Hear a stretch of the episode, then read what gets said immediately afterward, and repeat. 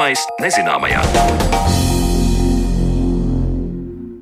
Esiet sveicināti redzījumā zināmais nezināmajā. Mans vārds ir Sandra Kropa, un šodien mēs runāsim par bīstamām vielām mums apkārt. Karadarbība Ukrainā satraukusi daudzus prātus par kodolieroču pilotošanu un iespējamām avārijas situācijām.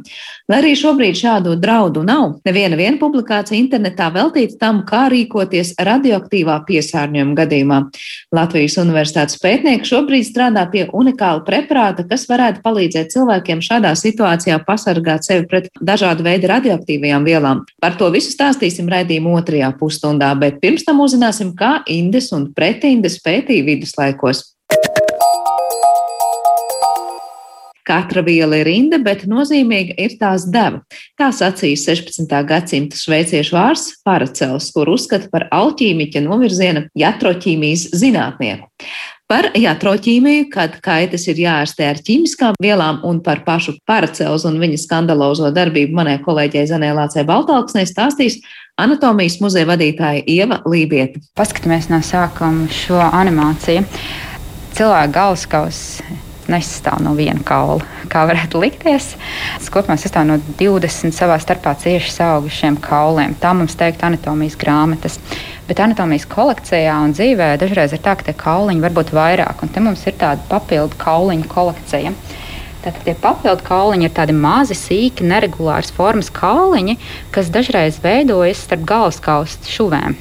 Un vienu no šādiem kauliņiem uzskata, ka pirmo reizi vēsturē ir aprakstījis 16. gadsimta ārsts, alķīmiķis un jatraķīmiķis Paracels. Viņš apraksta tieši galvaskausa papildu kauliņu, kas atrodas tajā vietā, mums pakausī, kur mums embrionālās attīstības laikā un agrā bērnībā ir atradies mugurējais avotiņš. Viņš uzskata, ka šis kauliņš palīdz pret epilepsiju.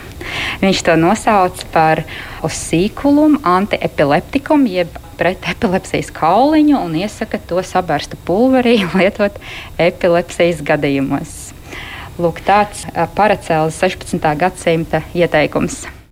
Tolaik aptiekās cilvēku kauli un galvas kausi kā farmācijas preces bija ierasta lieta. Tā stāvot pie Rīgas Stradiņu Universitātes anatomijas muzeja ekspozīcijas, kur ir redzama galvaskausa videografika, stāsta muzeja vadītāja un Rīgas Stradiņu Universitātes medicīnas vēstures institūta docente Ieva Lībiete. Šveiciešu ārsta, alķīmiķa un botāniķa Paracelza vārdu mēs saistām ar terminu jatroķīmija. Proti mācība, kas 16. gadsimtā slimības rašanos izskaidroja ar ķīmisko procesu traucējumiem organismā. Plašāk par šo renesanses laika ārstu un ārstēšanas metodi stāsta Ieva Lībiete. Tas bija pirmsākums arī mūsdienu fizioloģijai, arī tā no medicīnas vēstures skatoties. Jo jātra ķīmija tiešā tulkojumā tā būtu. Jatros nozīmē ārsts, jeb ārstēt, nu, un ķīmija ir ķīmija. Tātad tie ir ārsti, kas uh, nodarbojas ar ķīmiju un diagnosticē un ārstē ar ķīmiskām vielām. Tas ir tāds fizioloģijas vēstures sākuma posms. Tātad fizioloģija ir zinātne par funkciju, kā mēs funkcionējam. Nu, tad fizioloģijas vēsturē agrīni ir dominējušas divas tādas paralēlas paradigmas, kas viena ar otru ir pretrunā, bet tajā pašā laikā viena bez otras arī nevar izdzīvot. Ir teorija, kas ir vitālisms, ka mūsu funkcijas, mūsu dzīvību nodrošina kādi tikai dzīvām būtnēm raksturīgi spēki, kurus mēs nespējam izskaidrot ar fizikas likumiem, ja, tātad tas dzīvības spēks. Un otra tā ir mehānistiska pieeja, ka mūsu visas dzīvības funkcijas ir iespējams reducēt vai nu uz fizikāliem, vai nu uz ķīmiskiem procesiem. Nu, tad jatraķīmiķi piedar pie šīs grupas, kas šīs dzīvības funkcijas mēģina izskaidrot ar ķīmiskiem procesiem rūkšana, pūšana, degšana. Un, balstoties šajā teorijā, tiek arī ārstēšanā pielietotas ķīmiskas vielas. Paracels tiek uzskatīts par vienu no jatru ķīmijas uh, pamatlicējiem. Nu, principā pats pamatlicējs. Tātad tas ir 16. gadsimta sākums. Viņš tiešām ir uh, arī tas cilvēks, kurš ļoti pats praksē lieto un daudz par to raksta, un tālāk arī iedvesmo citus, lietot ārstēšanā ne tikai augu, bet arī minerālu, metālu un dažādas ķīmiskas izcelsmes vielas kā medikamentus. Cilvēks ir mikrokosms, jeb maza pasaule. jo viņā ir esence no visām zvaigznēm un visām debesu planētām, no Zemes un tās elementiem, un tāpēc cilvēks ir šo matēriju kvintesence. Tā ir sacījis Paracels, kurš 16. gadsimtā reformēja tā laika medicīnu. Lai arī savos uzskatos jauca kopā eksaktās zinātnes ar alķīmiju un misticismu, tomēr viņš farmakoloģijā ievieš zāļu devas un nāk klajā ar plašāku un zinātniskāku pieeju cilvēka fizioloģijai. Paracels, viņš ir Šveicē dzīves ārsts, kas ir izglītojies lielā mērā pašmācības ceļā. Viņu ir mācījis tēvs, kurš ir bijis ārsts. Viņš ir dzīvojis sākotnēji tādā kalnrača ciematiņā. Tur viņš daudz ir mācījies arī no amatniekiem un arī no pašiem kalnračiem. Ir zināms, ka viņš ir nedaudz, nedaudz studējis arī medicīnu Itālijā, bet lielākoties viņš nekad nav spējis īsti labi sadzīvot ar 16. gadsimtā universitātēs valdošajām tām zinātniskajām nostādnēm. Viņš salīdzina dažreiz ar uh, Martinu Lutheru. Luters reformēja reliģiju, bet uh, Paracels mēģināja reformēt medicīnu. Interesanti, pats viņš palika aizvien katolis, bet viņam šis gājiens attiecībā pret medicīnas dogmām bija tiešām ļoti reformējošs. Tāpēc viņi cilvēku īpaši nemīlēja. Tolaik viņu noteikti neviens īsti priecīgs nebija, kad kompānijā parādījās Paracels. 1000 526. gadā viņu iecēla Bāzelē par pilsētas ārstu. Pilsētas ārstam bija pienākums arī lasīt lekcijas universitātēm. Un tad ir visādi nostāsti. Viņš pirmkārt nav lasījis lekcijas klasiskajā latīņu valodā, bet lasījis viņas vāciski. Gājis uz lekcijām nevis stogā, bet uh, alķīmiķa priekšautā ir stāstījis to, ka nevajag mācīties no grāmatām, ir jāmācās no dabas un jāmācās no cilvēka.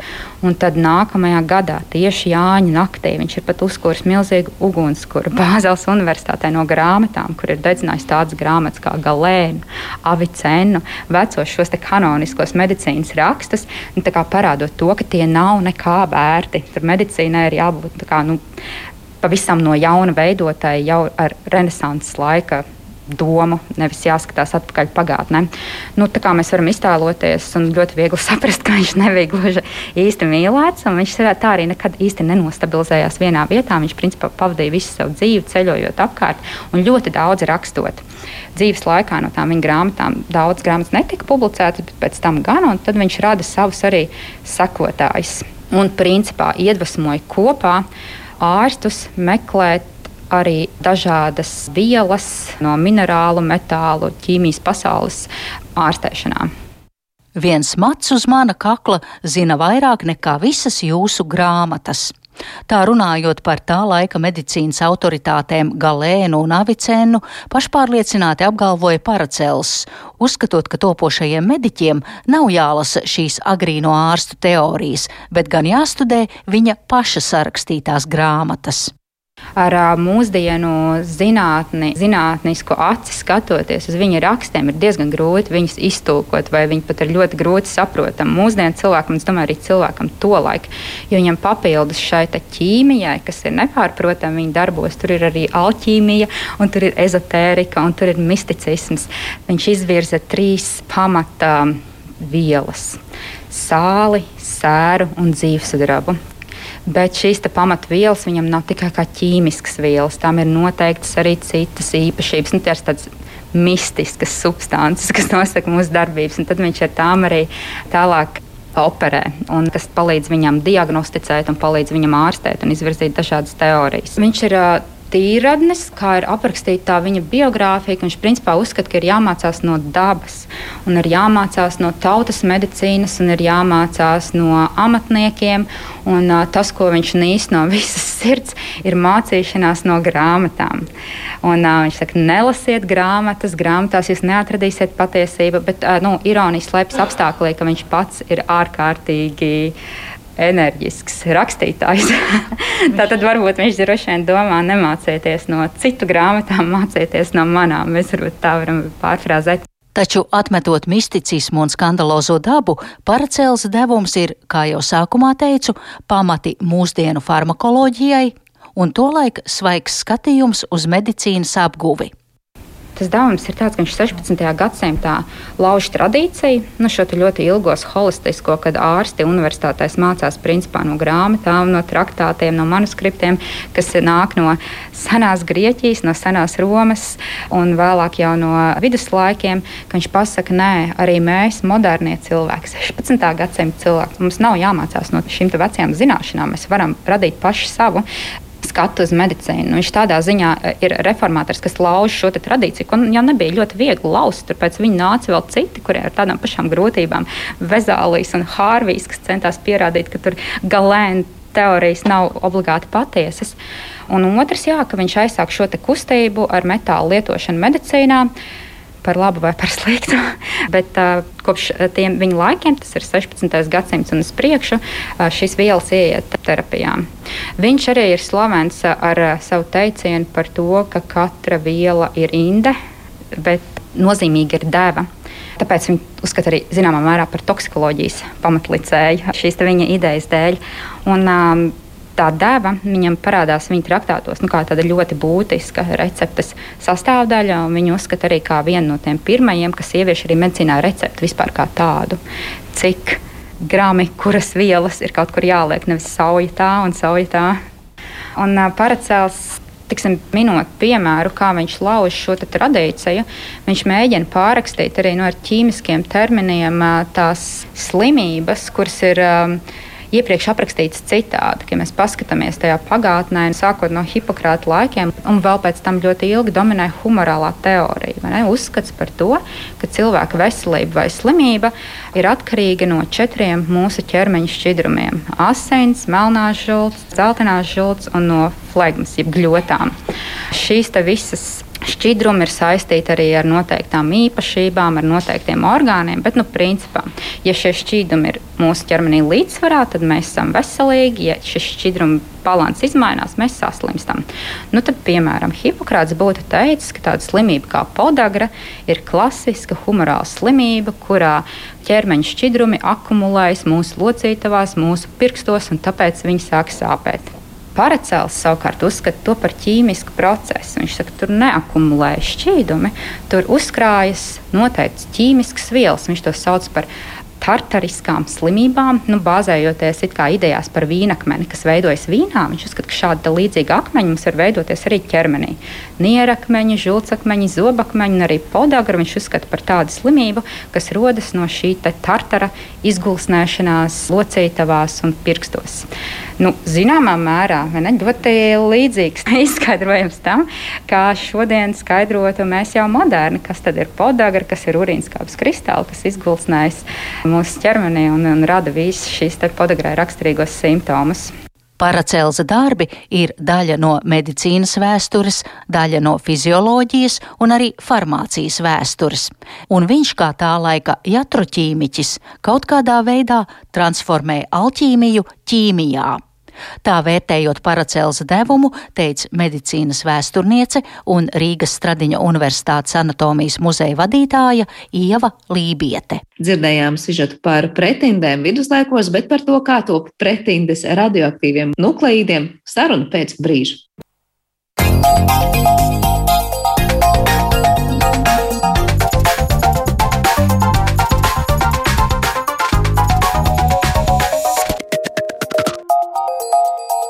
Zināmais nezināmajā. Par radioaktīvo starojumu pēdējā laikā dzirdam biežāk, un jāatzīst, ka šis ir temats, kas daudz prātos ir ne tikai biedējošs, bet arī līdz galam neizprasts. Īpaši, ja runa ir par to, kā cilvēks var pasargāt savu organismu no radioaktīvā piesārņojuma.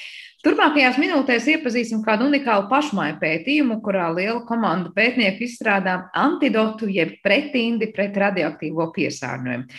Kādi tad tie ir un kas ir šis pētījums? Par to visu mēs parunāsim pēc studijā, attālinātajā studijā Latvijas Universitātes maģistrātu Uģi Eismondu. Labdien! Labdien! Labdien jums Jā. un labdien klausītājiem! Nu, tēma, protams, ir aktuāla un tīpaši vēl pēdējo nedēļu laikā ļoti, ļoti dzirdīgi savus atradusi arī Latvijas sabiedrībā, kad nu, Ukrainas neprognozējumu notikumu gaitas dēļ mēs tiešām uzdodam jautājumu, vai nu ir jāskrien, gan arī jāmeklē jodu tabletes vai kas cits, kā sevi pasargāsim no kaitējuma, ja nu gadījumā nonāks kāds radioaktīvais piesārņojums arī līdz Latvijai. Daudz ir izskanējušas runas un stāsti par to, ko nevajag noteikti darīt šajās situācijās un kāpēc joda tabletes nu, gluži mūs neglābs. Es sākšu ar to, kā sanāk, kas ir jūsu pētījums, vai tas ir kaut kas pēdējo laiku aktualitāšu ietekmēts, vai jūs jau labu laiku pētnieku komanda strādājat pie tā, kā meklēt nu, tādu radioaktīvo pretindi cilvēkiem? Jā, tā tad ir tā, ka tas mums jau ir iznācis nejauši, ja tā varētu teikt. Mēs strādājam jau labu laiku, jau ir vairāk gadi, šis ir jau, jau, jau vairāk kā divu gadu garumā. Mēs strādājam tieši ar šādiem savienojumiem, mēs meklējam tieši tādus savienojumus, kas varētu palīdzēt. Iesākumā tas bija negadījumi kodola atomelektrostacijās, vai, vai, vai, vai kāds savādāk, kad būtībā atbrīvojās tie radionuklīdi. Un, un arī būtībā, tad, tad kad slēdz tās uh, atomelektrostacijas, ir nepieciešams uh, viņus pareizi uzglabāt. Nu, kā mēs zinām, joprojām Černobiļā. Viņi joprojām nav tā, ka tur ir droši atrasties ne tāpēc, ka tur ir piesārņojums, bet arī tāpēc, ka kādreiz tur ir bijusi tā atomelektrostacija, kas tikusi izmantota. Un, uh, sākumā mēs uh, izman, uh, skatījāmies un pētījām, kā varētu palīdzēt tieši cilvēkiem, kas primāri tiem, kas saskarās ar viņu. Bet tagad ir tā, ka sas, saskara ir, iespējama ļoti daudz cilvēkiem, ja tā varētu teikt. Var teikt, ka tāda sākotnējā iecerē sniegt konkrētu palīdzību, ja gadījumā nepieciešams tiem, kas strādā šajos, piemēram, kodola reaktoros, uh, ir viena lieta, bet nu kļuvusi aktuāla un tā tad varētu rast pielietojumu daudz plašākās masās. Es vispirms gribēju vaicāt, kas ir šie antidoti un kas tas tās vispār ir? Jā, tātad mm, antidoti pēc definīcijas ir pretindas. Tātad pretindas tie ir savienojumi, kas darbojas pret kādu indi. Un šajā gadījumā tie darbojās pret radioaktīviem radionuklīdiem. Tātad viņi ir nepieciešami ja es varētu jau pasteikties uz priekšu, tas ir ļoti svarīgi, ka viņi ir pieejami uzreiz. Protams, tad nevar būt tā, ka ir, piemēram, nonācis kāds piesārņojums līdz mums, un tad pēc dažām stundām cilvēks sāk meklēt ja, šos pretindas līdzekļus. Jā, ļoti svarīgi tas ir tieši pēc iespējas ātrāk. Vislabāk bišķiņu pirms, bet, nu, ja nesanāk bišķiņu pēc, tad pēc iespējas ātrāk, tūlīt pēc Eh, saskarsmes ar tiem radioaktīviem savienojumiem. Tas ir kā tabletes, vai kas tas ir? Vai es saprotu, tas ir vēl izstrādes stadijā? Jā, eh, šobrīd tas ir izstrādes stadijā. Mēs eh, plānojam, ir arī savādāk, teiksim, bet nu, šis konkrētais preparāts ir paredzēts kapsulu veidā. Un, eh, bet mēs arī skatāmies eh, savādāk. Tās varētu būt tabletes, vai arī pēc tam būtībā arī, jo tas mūsu primārais mērķis nebija teiksim, tāds antidots, kas ir uzreiz, eh, kas lielām masām paredzēts. Mēs arī skatāmies, lai attīrītu ūdeni. Pēc tam, jo tas ir ļoti svarīgi arī, kad tie radionuklīdi nosēžās un viņi ir apkārtējā vidē, un pēc tam, lai būtu droši cilvēkiem uzturēties, svarīgi ir arī dzeramais ūdens, ir viens no vissvarīgākajām lietām, kas nepieciešams cilvēku organismam. Tātad var teikt, viena un tā pati pretinde derētu gan ūdens attīrīšanai, ja tas ir stāsts par nezinu, upēm, ezeriem un ūdens tilpēm, vai tas ir stāsts par dzeramā ūdens attīrīšanu jau kādā, nu, nezinu, tur ūdens attīrīšanas stācijā, vai tas par ko stāsts? Jā, tas ir eh, būtībā eh, pēc tam, kad notiek eh, kodola negadījums, ja varētu teikt, tad tie radionuklīdi izplatās pa, pa, pa gaisu. Un tad pēc tam viņi būt, būtībā arī nosēžās, un viņi nosēžās dažādi uz zemes, uz augsnes, uz ūdens, upes, ezeri, nu, pilnīgi viss, ko mēs varam iedomāties. Notek ūdeņu attīrīšana, tas ir cits cit, cit lauciņš, tur mēs šobrīd neesam. Jā, tātad konkrēti tajos, tajos brīžos, protams, jādomā par to, kas var nonākt saskarsmē ar cilvēku. Un es pieņemu, ka šie radionukleotīdi var tātad arī nu, tikt ieelpoti, iedzerti un cilvēku organismā nonākt nu, visos iespējamos veidos. Jā, tieši tā viņi būtībā tas ir tā, tā, tā primārā iedarbība, ja mēs tā varētu teikt, kad viņi ir gaisā, un būtībā tas ir bīstami, kad viņus tieši ieelpo gaisā, teiksim, nu, inhalācijas gaisā. No gaisa tiek ieelpots, vai arī būtībā ir stāvējis uz galda, nezinu, plaukos mm, at, nu, ūdens glāzi, un būtībā pēc tam padzerās to ūdeni, tad arī tas radioaktīvais savienojums nokļūst iekšā organismā. Ja mēs runājam par to, kā darbojas šādas pretindas, nu kas ir tas princips un cik dažādi var būt tie radioaktīvie savienojumi, kas nonāk cilvēku organismā brīžos, kad cilvēks saindējas? Jā, tā tad ir, ir, dažādi tie radionuklīdi, kas tieši izplatās. Un, jāsaka, godīgi, ka nav tāds antidots, kas ir pilnīgi visam. Ir tāpat iepriekš dzirdētas tās kālija jodīta tabletes, un, un viss viņš ir specifiski jodam, kas saistā būtībā, kad radioaktīvais jods nokļūst gaisā, kālija jodīta tabletes palīdzēs tieši pie radioaktīvā joda, bet izplatās tajos, teiksim, kodola negadījumos ir arī citi, piemēram, cēzijas, tallīs, rubīdīs un, un vēl visādi savienojumi. Tas nav tā, ka viņš ir viens tikai. Bet šie, bet šie visi savienojumi nonāktu, nu, cerams, ka nenonāktu nekad līdz mums, bet ja gadījumā notiek kādas, nezinu, sprādzienas atomelektrostācijā vai kā citādi, mēs runājam par to, ka šie elementi nonāktu arī līdz mūsu teritorijai. Tad mums ir jādomā tajā brīdī jau, kā sev pasargāt no tāda ļoti, ļoti nu, plašas vielu kokteļa. Jā, tieši tā, bet eh, būtībā arī radionuklīdiem viņi ir dažādi. Ir, ir ilgi, ar vidējo dzīvi ilgi, ilgu, ir tādi, kas ir, eh, nav tik ilgi.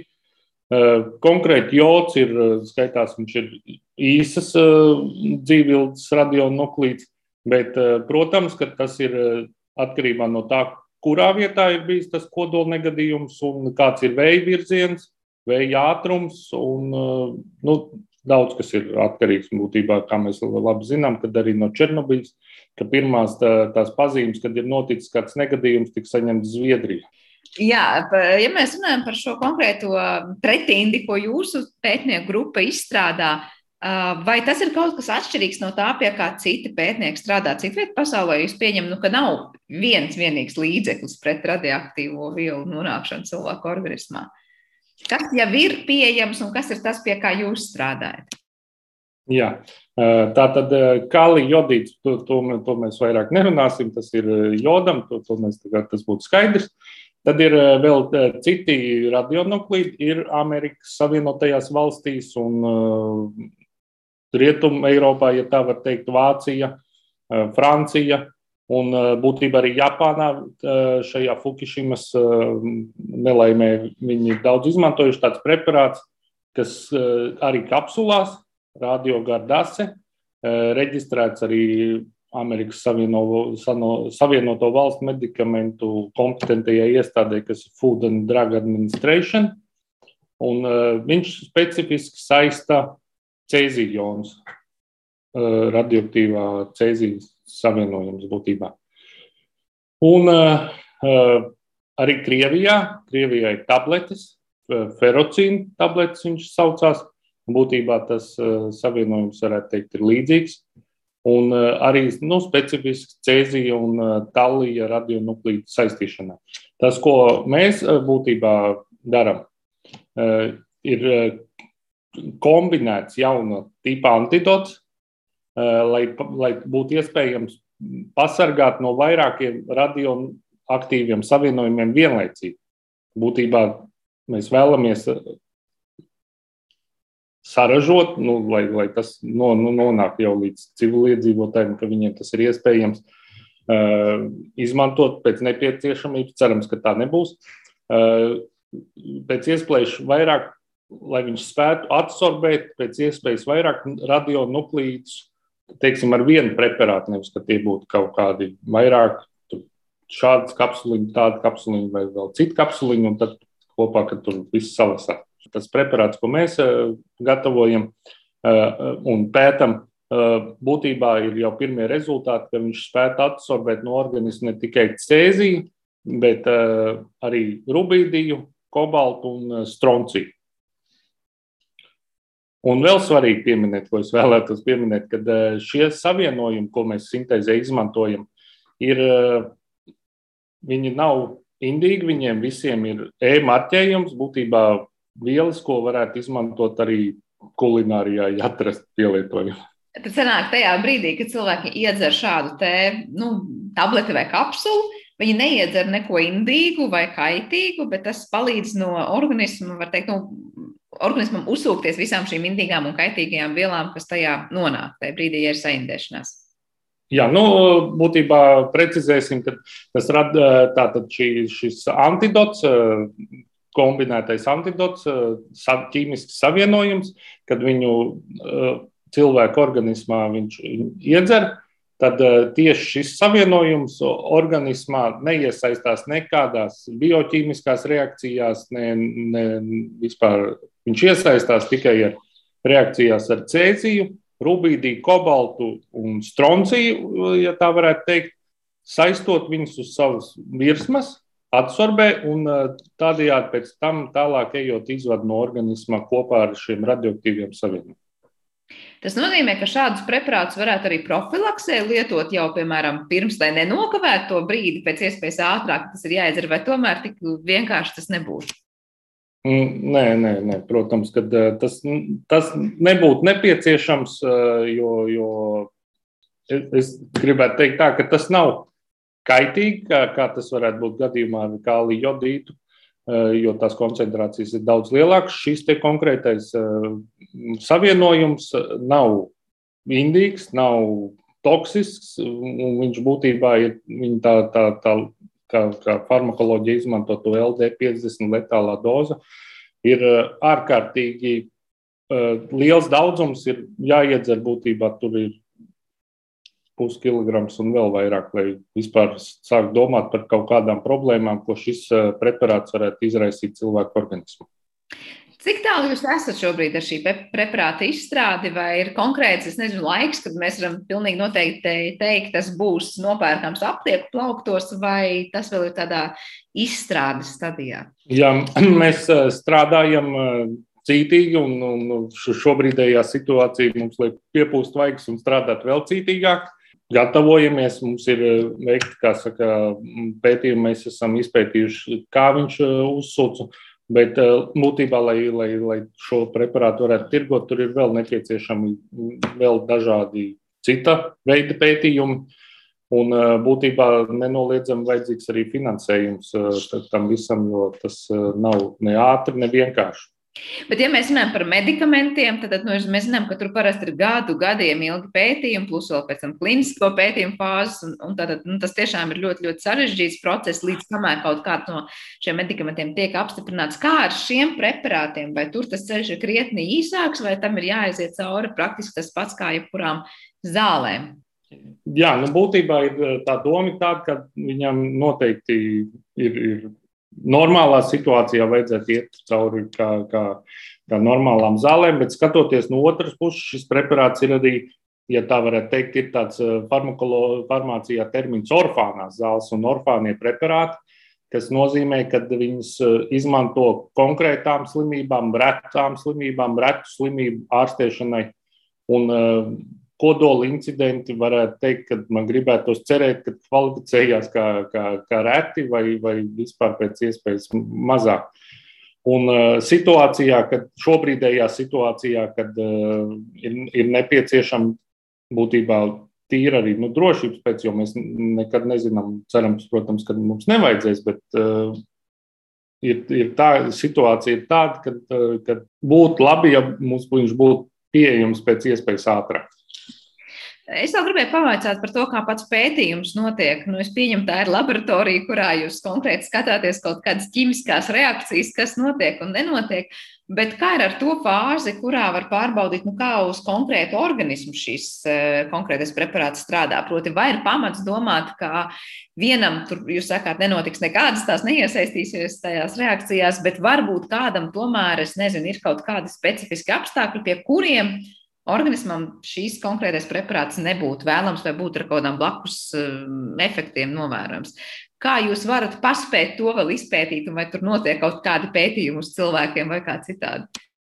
Uz cilvēkiem noteikti nenotiek pirmajā kārtā. Tas ir pilnīgi tā, tā, tā, tā, tā nedara. Ir, bet būtībā ir nepieciešama pētījuma in vivo arī, un uh, tur ir uh, arī nepieciešami atbilstošas laboratorijas ar atbilstošām atļaujām. Un, un, un to mēs vēl neesam darījuši, bet uh, ir procesā un plānā, ka mēs to noteikti darīsim tuvākajā laikā. Tas, protams, liek domāt, ka tas izstrādes laiks pagarināsies, bet, ja kurā gadījumā tās, protams, ir lietas, kas ir jādara, ja reiz mēs gribam drošus preparātus pieejamus daudziem cilvēkiem, arī veikalu plauktos. Pirms brīža izskanēja tā doma, kas tiešām izklausās ļoti jauka un vilinoša, ka liekas, redz, kā ja citur izstrādā preparātus, kas būtu pret konkrēto piesārņojumu, nu šeit izskatās tāda kompleksa pieeja un uzreiz pret vairākiem elementiem, tāda tā aizsardzība. Kā jūs to panākat, un vai mēs te nenonākam līdz tai idejai, kas dara visam, nedara beig beigās nekam? Jo, proti, kāpēc līdz šim ir bijusi tāda specializācija, ka nu, tas tikai tur jodīds, tas tikai tur, piemēram, cēzijas savie, eh, konkrēti savienojuma gadījumā strādāt. Un te pēkšņi mēs runājam, ka būs viena kapsula, kas derēs nu, daudz kam. Jā, šis ir labs jautājums. Bet, eh, bet eh, mēs esam priecīgi, ka mums, eh, mūsu multidisciplināra teiksim, komanda ir, kur ir, mums ir gan farmaceiti, gan ķīmiķi, gan ķīmiķi, farmaceiti, gan arī teiksim, veselības aizsardzības speciālisti. Un būtībā visi kopā, kad, kad sanāk un procesā redzot, kā tas viss notiek, ir idejas, kuras mēs gribētu pārbaudīt, un pēc tam mēs viņus pārbaudām, un tad skatāmies, ka jā, tiešām, un uh, kad, kad mēs, mums ir iespējams uh, uztaisīt šādu savienojumu, kurš būtu ne tikai specifiski cēzijam, kas šobrīd ir jau pieejams tirgu uh, Vācijā un Amerikā, vai, nu, piemēram, Krievijā šīs tabletītes, bet ka mūsu preparāts ir teiksim, uzlabots un, un, un vēl specifiskāks un piemērotāks lietošanai tieši pēc uh, kodola avārijām. Jā. Uh, vai gadījumā, ja šādas preparāts mums nu, paiet solīt nākotnē uz priekšu, būtu pieejams un būtu jau, kā saka, gan aptieku plauktos, gan arī cilvēku aptieciņās, ja nu gadījumā kas un tāds ir vajadzīgs, ir jādomā par to, cik ilgs derīguma termiņš tādiem preparātiem būtu. Vai te būtu tā, ka ik pēc gada mums būtu jāpārskata savus krājumus, vai tas ir kaut kas, ko vienreiz nopērts un ceri nekad nelietot, bet, tu zini, ja vienreiz nopirks daudzus, daudzus gadus, tas var būt arī. Nu, kā saka, lietošanai derīgs. Vai tas ir izaicinājums strādājot ar šādām pretindēm? Jā, protams, tas arī ir izaicinājums, jo, jo nav tā, ka viss būtu derīgs bezgalīgi ilgi. Un, uh, visam ir derīguma termiņš. Arī šīm konkrētajām uh, kapsulām, ko, ko ražo Vācijā un tirgo Amerikā un, un, un ražo. Ja, nu, konkrēti ir pieci gadi šīm, šīm, šīm kapsuliņām, kas jau ir uh, ražošanā. Un, uh, protams, ka ir izaicinājums arī sagatavot tādu preparātu, kas būtu derīgs ilgāku laiku, bet arī pieci gadi teiksim, ir tāds, tāds, tāds termiņš, kas, kas nu, pārskatāmā nākotnē tas ir, ja būtībā, ja mums šobrīd būtu iespējams šādu preparātu iegādāties un nolikt savā aptieciņā, tad piecu gadu laikā, tad, tad es labprātāk pēc pieciem gadiem eh, šo preparātu izmestu un eh, nekad nebūtu lietojis, nekā tad, ja man tiešām ir tāda nepieciešamība, ka viņš ir nepieciešams un man nav ko, ko, ko paņemt. Jā, nu, pieci gadi ir pietiekoši ilgs termiņš, lai varētu teikt, ka nav gluži tā, ka ik pēc gadam būtu kaut kas jāiepērk un jāizmet. Tātad tas ir tās teikt par savu drošību gādājot, pietiekoši nu, pamatots laiks, kurā tās savas paciņas pārskatīt.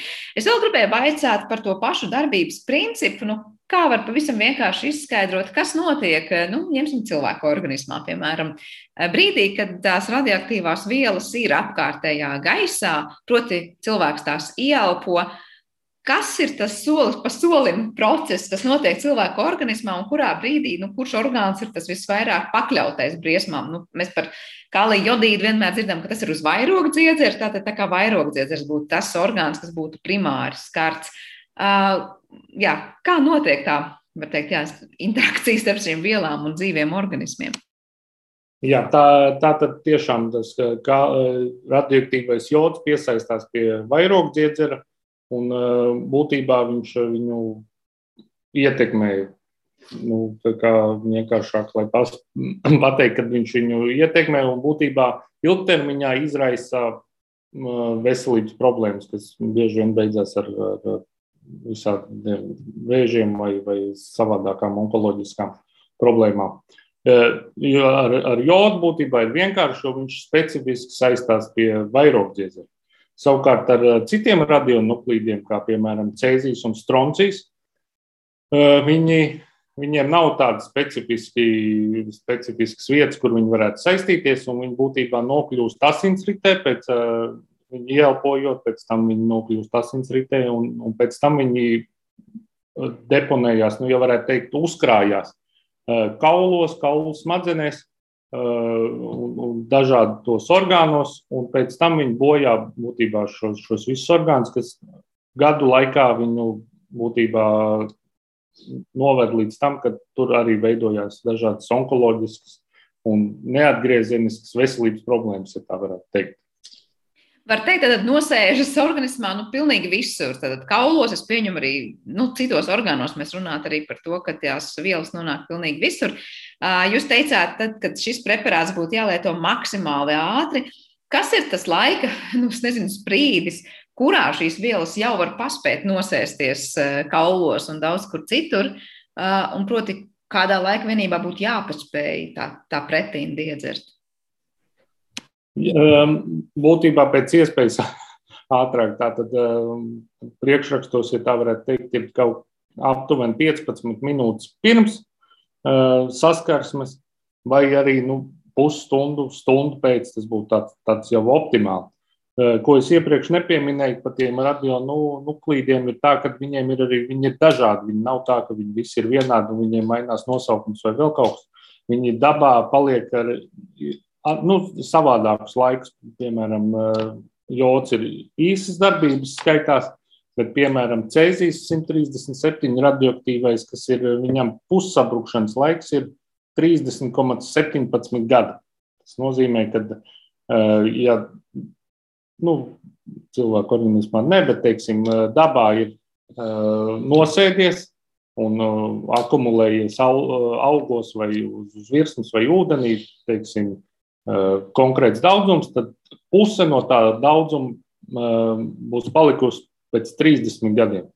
Un vēl puse būs vēl pēc 30 gadiem. Tas ir, nu, teiksim, tā, ja tas ir eh, noticis tāds kodolnegadījums un ir tas apkārtējā vidē ir šis savienojums, tad mēs nevaram runāt par pilnīgi brīvu vidi no šī savienojuma. Nu, simts gadus aptuveni, pilnīgi noteikti. Un es pieņemu, ka šis pussabrukšanas periods, tie 30, eh, cik gadi nav tas ilgākais. Ja laikam citām vielām tas varētu būt vēl ilgāks.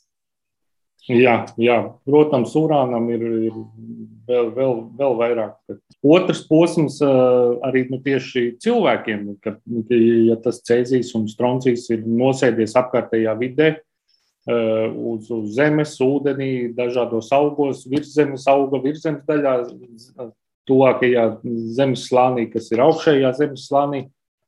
Pēc tam eh, būtībā gotiņas, tās pašas gotiņas ēd to zālīti, un pēc tam eh, tas, tie radioaktīvie savienojumi ne tikai to, ka govs, protams, arī ieelpo, bet eh, viņas pēc tam arī uzņem ar pārtiku.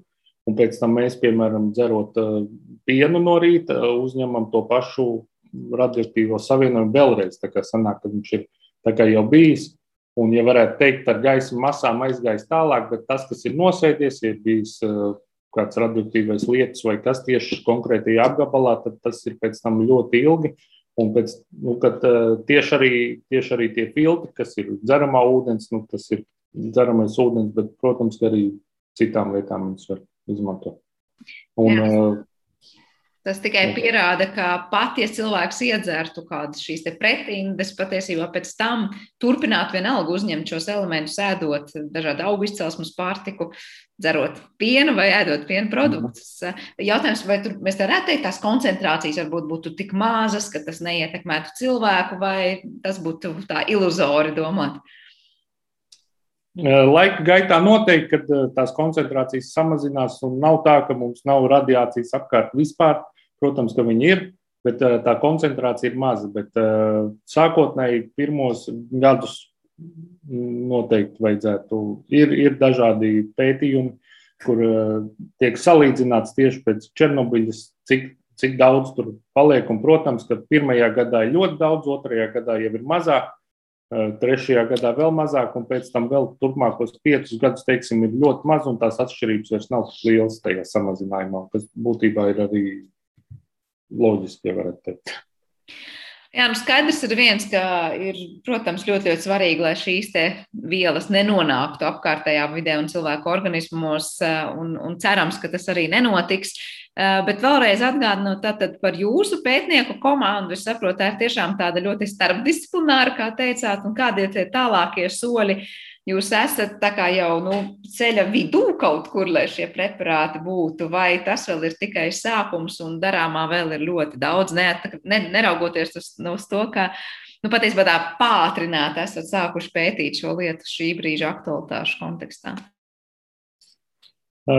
Jā, mums būtībā pateicoties arī Latvijas Universitātes fondam un mikrotika vadītājiem Arnim Riekstiņam un Džonam Tallijam, kuri būtībā ir palīdz ar finansējumu, teiksim tā, tas ir tā, tāds projekts, kurā mēs pieteicāmies, un šie kungi divi mikrotika vadītāji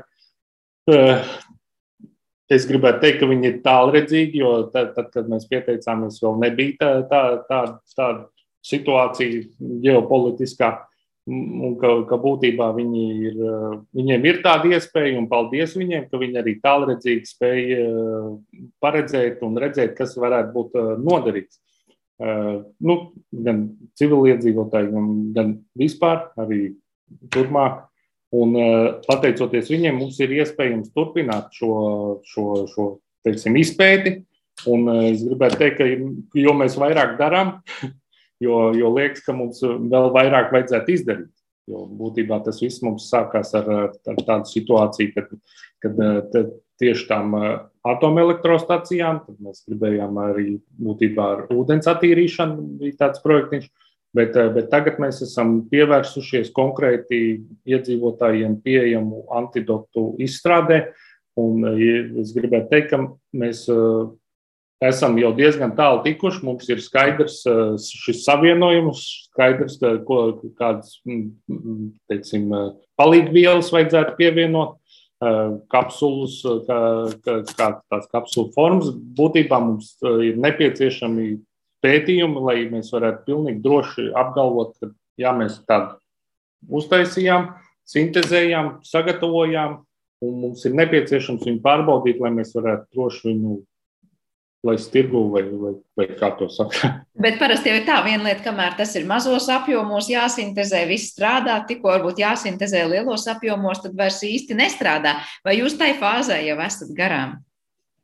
ka jūs zinat, kā to izdarīt arī rūpnieciskos apmēros, un nav jādomā, ka būs jāsāk viss no jauna. Būtībā mēs neesam mēģinājuši vēl rūpnieciskos apmēros, bet mēs esam par to domājuši. Un, uh, mums ir skaidrs, kādas iekārtas ir nepieciešamas, cik lielas viņas ir, cik lielākām viņām ir jābūt par tādām, kādas mums šeit šobrīd ir laboratorijā. Un, būtībā tas viss ir skaidrs, ir, ir nepieciešami tas pētījumi un, protams, finansējums. Un pēc tam arī, ja es gribētu pieminēt, arī valstiska griba. Mums ir eh, bijuši arī sarunas ar aizsardzības ministriju konkrēti. Un, un ir tā, ka ir teiksim, saprašanās, ka šādi preparāti varētu būt nepieciešami. Un, Nu, ir, ir jāsaprot, tur ir arī tād, tāds nianses. Es varu jums pastāstīt, ka mēs esam piedalījušies jau iepriekš, septembrī, rudenī mēs piedalījāmies tādā, teiksim, izstādē, tā, tieši ar armiju saistītā pasākumā. Un ir zināms, ka tad, kad dodas misijās, pienāca pie mums tāds, tāds es nesaukšu konkrēti, bet nu, tāds augsta ranga armijas cilvēks, ja varētu teikt. kad būtībā, kad viņi dodas misijās, ir tā, ka viņiem iedod līdzi antidots, kur viņi zina, ka varētu būt tādas uh, problēmas ar radiāciju vai, vai kaut ko, bet diemžēl viņi, uh, viņš viņiem nepaliek, jo tad, kad viņi atgriežas no misijas, viņi, viņiem, viņi atgriež viņus tā kā noliktavas. Nu, vairāk kā skaidrs, ka šādi antidoti un šādas pretindas eh, ir lieta, kas šajā gadsimtā ir vajadzīga un, un būtu vajadzīga. Pats galvenais, lai, protams, nenonāktu mēs līdz situācijai, ka tas reāli būtu jāpielieto. Un, laikam, noslēdzot šo sarunu, teikšu, es vēlēšu jums veiksmi izstrādājot to visu un vēlēšu mums visiem to, lai mums nekad, nekad tas viss nebūtu jāpielieto pašiem uz savas ādas. Paldies jums par šo sarunu un dzirdējām Latvijas Universitātes maģistrantūģi Eismondu, tātad vienu no šīs pētnieku komandas un šī arī izstrādes autoriem. Ar to arī raidījums ir izstrā, izskanējis. Par to parūpējās producents Paula Gulbīnska, mūzikas redaktors bija Girs Bišs, bet pirms kopā es Sandra Kropa. Uz tikšanos!